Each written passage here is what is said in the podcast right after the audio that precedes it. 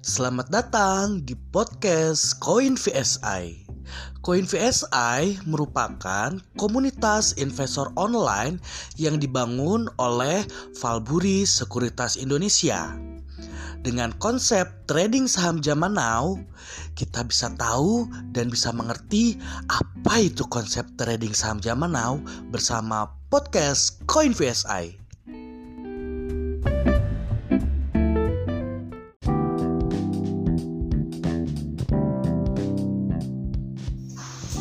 Sahabat podcast Koin VSI, apa kabar? Semoga selalu sehat dan selalu positif untuk menjalankan semua urusan. Dan tentunya selalu positif menyambut beberapa kemungkinan yang terjadi di pasar saham kita. Yang kita tahu ya, Amerika sebentar lagi akan mengadakan pemilihan presiden baru. Dan debat pertama kemarin yang sangat intens dan juga seru. Oke oke, kita tinggalkan dulu untuk pemilu Amerika di Indonesia sendiri nih sedang hangat isu Omnibus Law. Kita doakan segala macam isu politik bisa cepat mereda dan juga pandemik COVID-19 bisa cepat diatasi. Karena nih ya, di tanggal 8 Oktober kemarin, Indonesia kembali mencetak rekor positif corona harian baru, yaitu 4.850 kasus baru Total kasus positif COVID-19 di Indonesia per tanggal 8 Oktober kemarin menjadi 320.564 kasus. Dan pandemik ini sebenarnya yang harus menjadi prioritas utama kita untuk segera berlalu. Dan saat ini Indonesia menempati peringkat kedua se-Asia Tenggara untuk penyebaran COVID-19. Itu sebenarnya hal yang cukup mengerikan ya.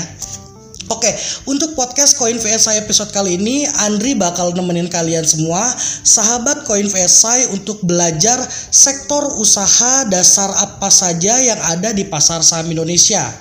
Dan yang paling penting nih, sektor apa saja yang paling menarik untuk kita lirik di saat pandemi COVID-19 saat ini. Dalam episode kali ini, Andri nggak sendiri lagi. Andri ditemani oleh Branch Manager Valburi Sekuritas Indonesia cabang Bandung. Beliau merupakan Ibu Tita. Apa kabar Ibu Tita? Alhamdulillah uh, baik uh, Andri. Uh, halo juga buat uh, sahabat podcast Koin FSI. Uh, uh, ketemu bergabung lagi ya di podcast Koin FSI ini. Ya. ya. Oke, saat ini Andri ingin menjelaskan dulu nih ya tentang sektor-sektor apa aja sih yang ada di pasar saham kita. Jadi, kategori saham di pasar saham Indonesia dikelompokkan ke dalam 9 sektor saham.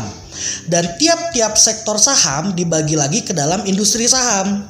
Untuk kesembilan sektor tersebut yaitu yang pertama, aneka industri, lalu industri barang konsumsi, industri dasar kimia, infrastruktur, utilitas dan transportasi, keuangan, perdagangan, jasa dan investasi, pertambangan, pertanian, dan yang terakhir properti.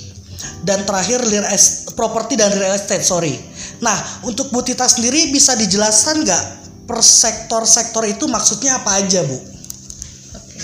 Selain kategori saham berdasarkan sektor dan industri, kita kenal juga pembagian uh, berdasarkan indeks DBI Indri yeah, okay. dan uh, jenis kategori lainnya.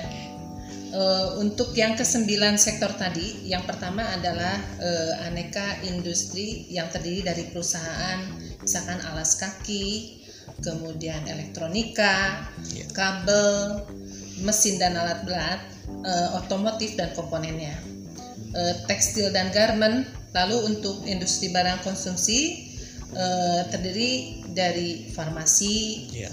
kemudian uh, produk kosmetik uh, dan barang keperluan rumah tangga, makanan dan minuman, yeah. gitu ya. Kemudian mm-hmm. peralatan rumah tangga, termasuk juga rokok. Okay. Ya. Lalu untuk industri dasar dan kimia terdiri dari uh, kayu dan pengolahannya, atau keramik, porselin yeah. dan kaca, kimia, logam dan sejenisnya pakan ternak juga termasuk dalam yeah. Ya. uh, uh, industri seperti itu. Yeah. Kemudian plastik dan kemasan, pulp dan kertas juga, yeah. semen uh, itu ya. Terus untuk infrastruktur, utilitas dan transportasi terdiri dari aviation, uh, energi, kemudian jalan tol, Oke. pelabuhan, bandara dan sejenisnya. Kemudian konstruksi eh, non bangunan, eh, land transport, shipping dan logistik ya. Ya. Telekomunikasi juga termasuk dan transportasi. Ya. Eh, untuk sektor keuangan eh, ada asuransi, bank, lembaga pembiayaan dan perusahaan efek. Lalu, eh, lalu di sektor perdagangan, jasa dan investasi eh, terdiri dari eh, advertising, printing dan media. Heavy eh, equipment juga, kemudian hotel dan pariwisata, jasa komputer dan perangkatnya perdagangan besar barang produksi, perdagangan eceran, perusahaan investasi, restoran dan rumah sakit. Oke. Ya, itu lumayan juga tuh. eh, Banyak. juga banyak. sektor. Mm-mm. Kemudian untuk di sektor perbankan, eh per- pertambangan Ya. itu ada jasa pertambangannya di eh, luar, eh, di luar itu pertambangan ba- batu baranya sendiri Ya. pertambangan batu-batuan pertaga- eh, pertambangan logam dan mineral lainnya dan pertambangan minyak dan gas bumi. Eh, lalu dari sektor pertanian eh, terdiri dari perikanan perkebunan dan peternakan. Yang terakhir mungkin dari sektor properti dan real estate terdiri dari industri eh, real estate, kemudian konstruksi bangunan dan eh, properti juga real estate-nya. Gitu Dri. Ya. Oke, banyak juga ya sektor-sektor yang ada di pasar saham kita, Bu. Sekarang kita mengerucut lagi ya. Kita pasti sering dengar tentang saham blue chip atau biasa disebut saham-saham LQ45. Jadi, arti dari saham LQ45 merupakan 45 emiten yang telah melalui proses seleksi dengan likuiditas tinggi atau liquid serta beberapa kriteria pemilih lainnya. Kriteria tersebut di antaranya dapat meliput pertimbangan kapitalisasi pasar. 45 emiten tersebut disesuaikan setiap enam bulan sekali, biasanya tiap awal Februari dan awal Agustus. Dengan demikian, saham yang terdapat pada daftar tersebut akan selalu berubah-ubah. Bu Tita bisa dijelaskan lebih dalam nggak sih kriteria-kriteria sebuah saham harus seperti apa untuk bisa masuk ke dalam LQ45? Jadi gini Dri, kriteria suatu saham untuk dapat eh, untuk dapat masuk ke dalam indeks LQ45 adalah sebagai berikut. Panjang s- sepertinya ini ya. soalnya. panjang. Yang pertama, eh, saham tersebut tercatat di BI minimal 3 bulan. Oke. Lalu yang kedua, dia memiliki kondisi keuangan, kemudian prospek pertumbuhan serta nilai transaksi yang tinggi. Ya. Oke. Ketiganya mungkin eh, masuk dalam 60 saham berdasarkan nilai transaksi pada pasar reguler dalam 12 bulan terakhir. Ya. Yang keempatnya termasuk dalam 60 saham dengan kapitalisasi tertinggi dalam 1-2 bulan terakhir. Dan yang terakhir, dari 60 saham tersebut, 30 saham teratas akan masuk secara otomatis dalam perhitungan indeks LQ45. Gak sampai Oke. di situ aja, Andri. Oke. Eh, eh, selanjutnya mungkin untuk Iya. mendapatkan dari 45 saham itu akan dipilih 15 saham dengan menggunakan kriteria hari transaksi di pasar reguler, frekuensi transaksi di pasar reguler, serta kapitalisasi pasarnya. Oke. Hmm. Metode dari pemilihan 15 saham tersebut antara lain yang pertama, dari 30 sisa saham berdasarkan hari transaksi pasar reguler akan dipilih 25 saham. Kemudian selanjutnya dari 25 saham tersebut Ya. diseleksi lagi jadi 20 saham berdasarkan frekuensi transaksi di pasar reguler eh, di pasar reguler ya. Kemudian yang terakhir dari 20 saham tersebut dipilih lagi 15 saham berdasarkan kapitalisasi pasar. Jadi dengan demikian telah didapatkan 45 saham untuk perhitungan indeks LQ45. Ya. Selain itu kita melihat eh, kriteria likuiditas, likuiditas serta kapitalisasi pasar tersebut akan dilihat pula ke, eh, keadaan keuangan dan prospek pertumbuhan perusahaan tersebut. Jadi intinya saham LQ45 itu merupakan saham-saham yang sudah diseleksi ketat sehingga memudahkan investor untuk menentukan emiten perusahaan yang sehat di pasar saham Indonesia, Andri. Gitu ya. Oke, jadi benar sih ya, saham yang sudah masuk ke dalam LQ45 berarti sudah melalui seleksi ketat dari Bursa Efek Indonesia ya, Bu. Nah, sekarang kita masuk ke dalam pertanyaan yang cukup penting dan pastinya banyak ditunggu sama pendengar podcast Coin VSI. Kita tahu ya, Bu, seluruh dunia khususnya Indonesia masih berperang dengan pandemik COVID-19. Nah, banyak banget saham-saham yang terkoreksi cukup dalam Nah, kalau menurut Ibu, sektor-sektor apa aja sih yang masih kita bisa investasikan dalam keadaan pandemi COVID-19 dan isu-isu politik yang sedang panas di Indonesia? Dan jangan lupa, sektor apa juga yang cukup beresiko tinggi ketika sedang pandemik berlangsung, Bu? Oke, untuk uh, telekomunikasi masih bisa dijadikan opsi, Dri. Oke. Ya, karena sekarang semua banyak dikerjakan baik itu di rumah yeah. seperti uh, work from home dan sekolah pun sekarang masih via online ya. Yeah. Jadi sektor telekomunikasi masih menjadi pilihan tepat untuk para investor. Yeah. Ya. Lalu sektor farmasi juga boleh dijadikan opsi. Itu berhubungan dengan uh, pandemi Covid ya. betul. Kita sekarang ada uh, uh, apa? Pandemi Covid-19 yeah. ya jadi banyak masyarakat akan lebih sadar dengan kesehatan. Dan bisa dicek juga untuk laba perusahaannya pun meningkat. Yeah. Lalu ada uh, yang lainnya sektor uh, consumer good ya, yeah. ya. Okay. Yang kita tahulah walaupun pandemi COVID-19 terjadi, semua masyarakat butuh yang namanya makan. Yeah. Masih harus mandi. Jadi consumer good masih menjadi pilihan yang tepat untuk berinvestasi di tengah pandemi. -hmm. Nah, untuk pakan ternak pun masih bisa dijadikan pilihan karena perusahaan pakan ternak juga biasanya membuat produk daging olahan siap saji. Misalkan chicken nugget, sosis, itu kamu suka kan, Dre? Suka. nah, ya, dan ketika pandemi COVID-19 ini, orang-orang yang kesusahan dalam memasak atau nggak jago masak lah, yeah, yeah. kan? pasti memilih untuk memasak masakan yang simple. Yeah. Salah satunya ya daging olahan ini, mm-hmm. ya. Yeah. Lalu yang terakhir sektor perbankan. Nggak dipungkiri ya, yeah. salah satu penopang IHSG kita yaitu perbankan. Yeah. Dan sampai saat ini dua emiten dengan kapital terbesar masih diduduki oleh dua bank besar yaitu Bank BCA dan juga Bank BRI. Ya. Jadi perbankan masih oke okay dijadikan opsi untuk berinvestasi di tengah pandemi COVID-19 ini. Ya. Nah, untuk sektor yang agak berisiko tinggi jelas ada properti dan juga konstruksi. Sektor yang saling berhubungan erat di saat pandemi kali ini daya beli masyarakat Indonesia terhadap properti menurun dan juga dengan kebijakan-kebijakan PSBB pasti sangat berpengaruh ke kedua sektor ini ya. ya. Kemudian untuk sektor pariwisata juga tanah transportasinya itu juga berdampak e, yang paling besar ketika pandemi e, COVID-19 berlangsung. Ya. Kita sudah tahu banyak negara yang menutup pintu rapat-rapat warga negara Indonesia untuk ber, berkunjung ke negaranya dan juga pasti berdampak langsung dalam sektor pariwisata dan juga transportasi kita.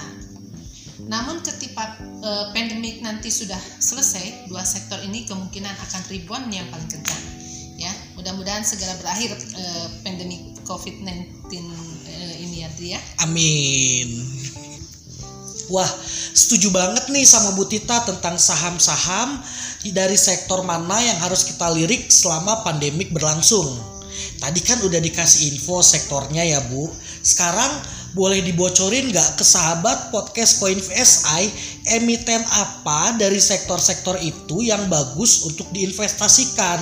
Lalu bisa diinfokan juga nggak Bu dalam bulan-bulan ke depan itu isu yang dapat membuat pergerakan IHSG atau pasar saham Indonesia itu isu-isu apa aja sih Bu yang akan mempengaruhi? Oke, oke Andri. Ya. Mungkin uh, ada sedikit rekomendasi dari saya. Ya. Untuk sel, uh, sektor telekomunikasi kalian bisa melirik Excel ya. Uh, atau juga Telkom pastinya ya. Telkom itu harganya udah sangat murah sekali loh. Iya. Ya. Lalu dalam sektor farmasi eh, kalian juga bisa melirik saham Kalbe Farma, Indo Farma dan juga Sido Muncul ya. Iya. Eh, lalu dari consumer good jelas yang berada di consumer good pasar eh, saham Indonesia itu ICBP atau eh, Indofood juga. Iya. Eh, kemudian Unilever ya. Iya. Jadi kalian bisa pilih di antara itu yang mana yang ininya ya. Eh, eh, di antara range harganya Iya. juga berbeda. Betul. Kemudian eh, untuk pakan ternak eh, bisa kalian lihat Cepin, kemudian Java atau Main, ya Main, gitu. oke. Nah, ada itu ya. Dan eh, perbankan eh, yang pasti bank dengan kapital besar yaitu BCA, kemudian BRI, eh, BNI, Ya. Mandiri, ya. Iya. Kemudian satu lagi ada perbankan yang sedang naik daun, BRI Syariah ya, Ya. BRIS ya. Nah, Uptrend. ya itu uptrend. ya. Nah, untuk trading plan-nya sendiri eh, di masa pandemi ini eh, dibagi-bagi saja. Mungkin eh, sebagian eh, untuk long term, sebagian lagi untuk harian atau medium term ya. Iya. Karena eh, pasar saham kita cukup terpengaruh dengan nilai tukar rupiah terhadap dolar, dolar Amerika juga gitu ya. Iya. Jadi eh, dibagi-bagi aja, misalkan untuk eh, eh, apa pors- porsinya, Porsinya. bisa misalkan ya 30 30 40 gitu ya atau Ya. seperti apa itu bisa diatur. Nah, untuk 3 Sep- eh, 3 November nanti Amerika akan melakukan pemilihan presiden baru. Kalau rupiah terkoreksi terhadap eh, USD, USG, USD, Ya. US dollar ya. Iya. IHSG eh, kita pun terkoreksi Mm-mm. Makanya diverifikasi jangka waktu dalam investasi eh, inves- investasi saham itu penting. Dan pilihlah saham dengan fundamental yang baik. Ya. Jadi eh, itu yang harus kita inikan. Tetap kita harus memilih eh, saham yang berfundamental yang baik. Saham-saham yang masuk ke dalam RQ45 sudah kita infokan, lalu sektornya juga eh, sudah kita infokan. Sekarang saatnya kalian memutuskan untuk berinvestasi di saham apa aja silakan ya Oke, menarik sekali ya Bu pembicaraan kita saat ini. Benar-benar sahabat podcast Coin VSI dimanjakan dengan rekomendasi saham dari Bu Tita as a branch manager Valburi Sekuritas Indonesia cabang Bandung. Oke, terima kasih banyak Bu Tita atas informasi yang sangat penting dan juga sangat bermanfaat buat sahabat podcast Coin VSI untuk memulai memilih saham yang pas dalam masa pandemik COVID-19 saat ini. Namun, untuk kalian sahabat podcast Coin VSI yang mau belajar lebih dalam tentang investasi saham dan trading saham zaman now bersama Coin VSI, bisa banget nih daftar ke seminar online kita yang selalu diadakan setiap hari Jumat pukul 4 sore. Di sana kalian akan jauh lebih mengenal Coin VSI dan pastinya dapat lebih banyak pelajaran. Untuk pendaftaran bisa langsung WhatsApp ke admin kita di nomor 0852 8061 9524. Andri ulang sekali lagi ya. 0852 8061 9524. Bisa langsung chat dan pilih hari yang kamu mau.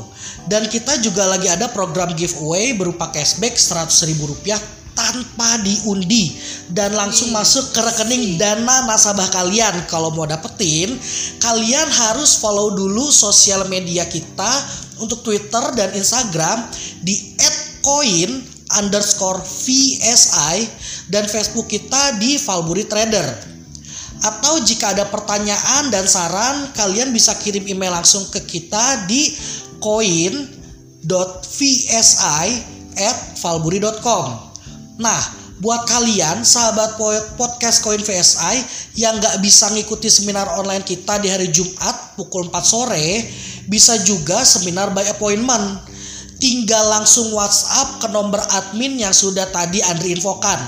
Nah, oke mungkin segitu aja untuk podcast Coin VSI episode mengenal berbagai macam sektor usaha dalam pasar saham Indonesia dan pilihan saham yang dapat diinvestasikan dalam pandemi COVID-19.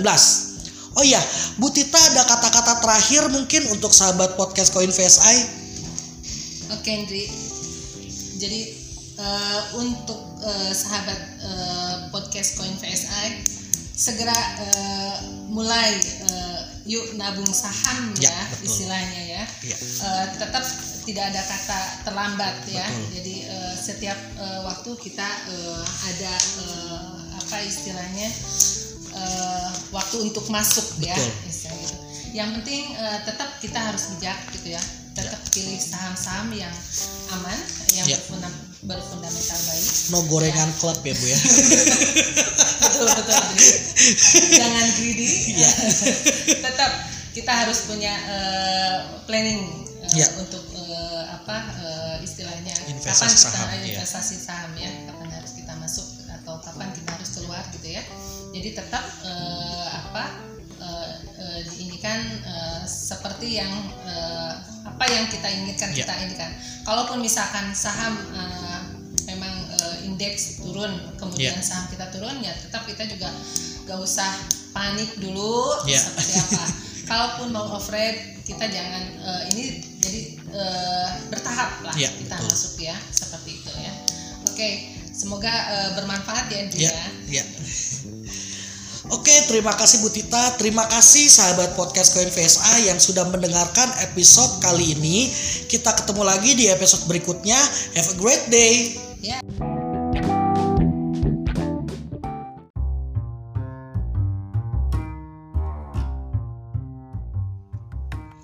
Terima kasih kepada seluruh sahabat podcast Koin VSI yang selalu setia mendengar setiap episode podcast Coin VSI. Semoga episode kali ini bermanfaat untuk kalian. Have a great day.